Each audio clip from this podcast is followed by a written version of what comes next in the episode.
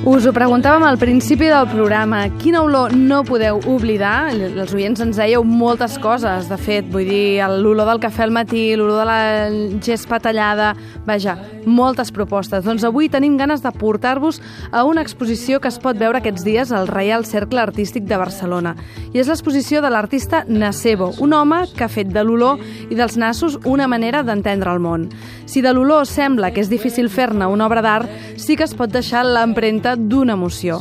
Us explico. Aquesta és la història d'un perfumista, un creador d'essències.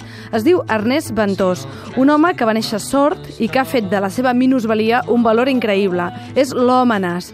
I ara doncs, l'ha portat a una exposició que es pot veure aquests dies i que es diu L'emoció d'olorar l'art, fins al 21 de novembre d'aquest mes.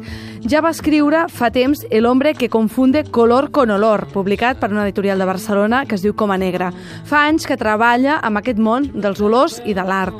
I ell també és col·leccionista d'art, d'algunes obres que el fan pensar justament amb l'olor. A l'exposició hi trobareu quadres, per exemple, antics, aquí els ha canviat el nas, imatges on el nas té un protagonisme fantasmal, nassos de diferents formes, nassos fets gairebé amb peces que no ens podríem ni imaginar. Com que ell no parla, perquè vosaltres el pugueu escoltar a la ràdio, doncs jo vaig anar a entrevistar la seva filla, la Gina Ventós, i també el doctor Andrés Clarós, un otorrino laringòleg, amb el que ara, amb l'excusa d'aquesta exposició, doncs organitzen una colla de tastos, d'oli, de vi, de cafè, de perfums, per explicar que el sentit de l'olfacte mm, doncs, moltes vegades ens pot explicar molt millor algunes coses que no pas d'altres sentits. Aquests dies doncs, es pot veure aquesta exposició, com dèiem, aquesta l'emoció d'olorar l'art, fins al 21 d'octubre, i ara sentirem doncs, alguns fragments d'aquesta conversa que vaig tenir doncs, amb la filla de l'artista i també amb aquest otorrino laringòleg. L'aventura de l'Ernest Ventós, el que ara es coneix com a Nacebo, va començar així. Això va començar l'any 78, que la Fundació Miró li va demanar fer unes essències per a una exposició que es deia Sugestiones olfatives. Llavors jo crec que ja tenia portat el de les, el sentit del, de l'art i va començar, a, va tindre aquesta idea de començar a col·leccionar obres visualment que li recordés un olor. Així és com va començar fa 35 anys i fa 12 que va començar ell com a artista Nacebo perquè tothom li deia que ella, ell era un home nas. I llavors va posar, va unir les dues seves grans passions, home artista i, i creador d'essències, i va juntar i va posar un nas.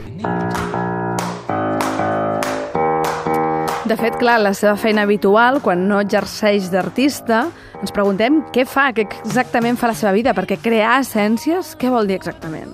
Fan essències aromàtiques vol dir per, per menjars, ja sigui pues, el calipo amb essència, les, les patates amb olor, després zotànica per als animals i de fragàncies, de, no només els perfums, sinó pues, amb tipus de casa o del cotxe. El que més ens fascina d'aquesta exposició, de la que us comentem, aquesta Nacebo, l'emoció d'olorar l'art, eh, que fan aquests dies doncs, el Reial Cercle Artístic de Barcelona, és que hi ha nassos de totes les formes, nassos fets de fusta, a partir de cintes mètriques o amb imatges superposades a vegades. I la pregunta que, clar, li fèiem és com li va arribar aquesta fascinació a Nacebo per l'olfacte. Et volia comentar que ell ve d'una família d'essències. Llavors, ell té molts records quan uh, vivia a Sants amb els seus pares, uh, a baix al garatge, hi havia bidons d'essències. Llavors uh, té molts records d'olors i els associa, quan fa obres, com he comentat abans, uh, obres amb... Per exemple, a ell li agrada molt l'olor de, de l'estèrcol perquè li recorda molt el camp on ell vivia amb els seus pares a Gell. L'olor de fems, imagineu una persona que té aquest nas i una de les seves olors preferides és l'olor de fems. Però com ho expliquem medicament, medicament això que li passa a, amb aquest home, no? a Nacebo? El doctor Clarós, que és aquest otorrino que comentàvem, ens feia 5 cèntims de com funciona aquest procés de no poder gaudir de l'oïda i, en canvi, convertir-te en un home nas. L'autor ha volgut fer un nas, no sabem per què, però és que hem d'entendre la història d'aquest senyor Aquest senyor té una minusvalia des del punt de vista auditiu i, i de parla, i lògicament ell professionalment s'ha especialitzat molt amb l'olfacte eh, i detecta les coses, interpreta les coses i vol explicar les coses des del seu punt, des d'aquesta òptica espacial. Jo, si em permeteu, hi ha una petita mm, curiositat, diria artística i mèdica a la vegada. Es parla molt de, de Van Gogh, d'aquells colors que feia, que si estava boig, però sembla ser que l'arrel de tot això és perquè Van Gogh prenia per un problema de cor una medicació que li alterava els colors, la visió dels colors. No és que estigués boig, és que ell veia aquells colors i els representava. Bé, en aquest cas jo estic dient que Ernesto Ventos té el mateix. El seu motiu principal o la seva input més important arriba a través de l'olor i llavors vol ensenyar com expressa aquest sentiment d'olor amb les obres d'art.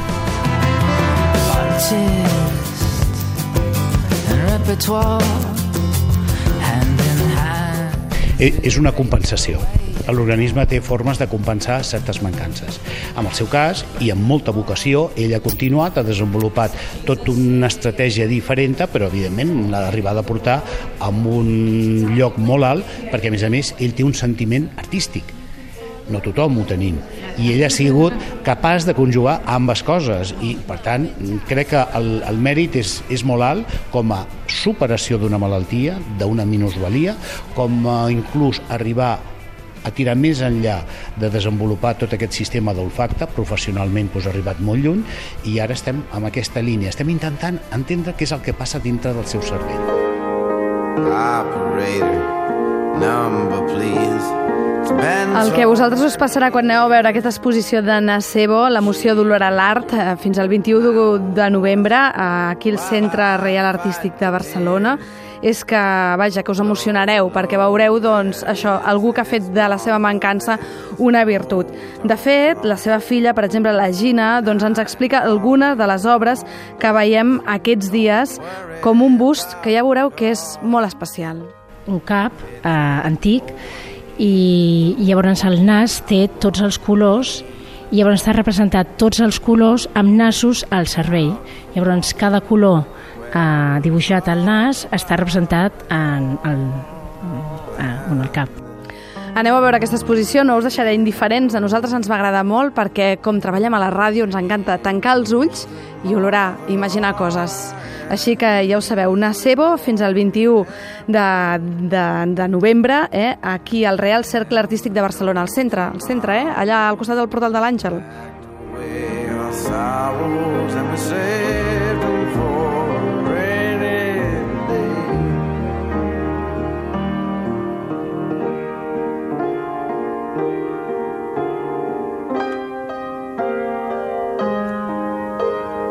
I feel so much older now.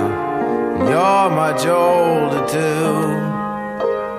How's the husband?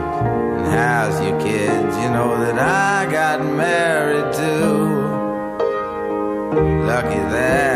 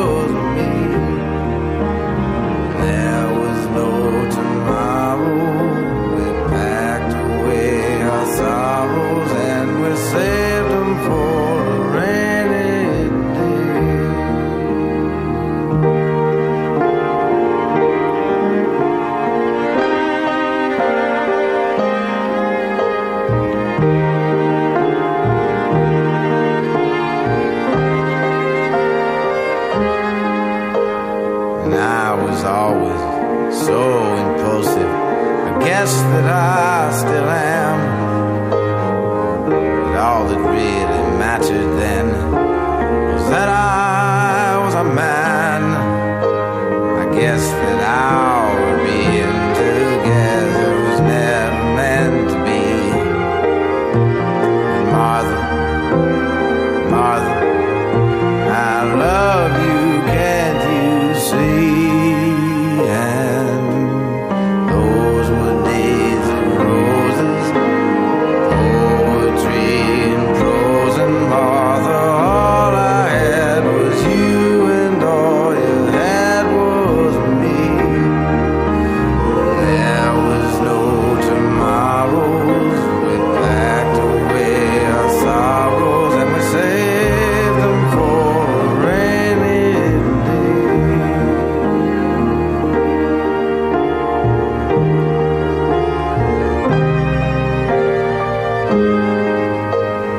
And I remember quiet evenings trembling.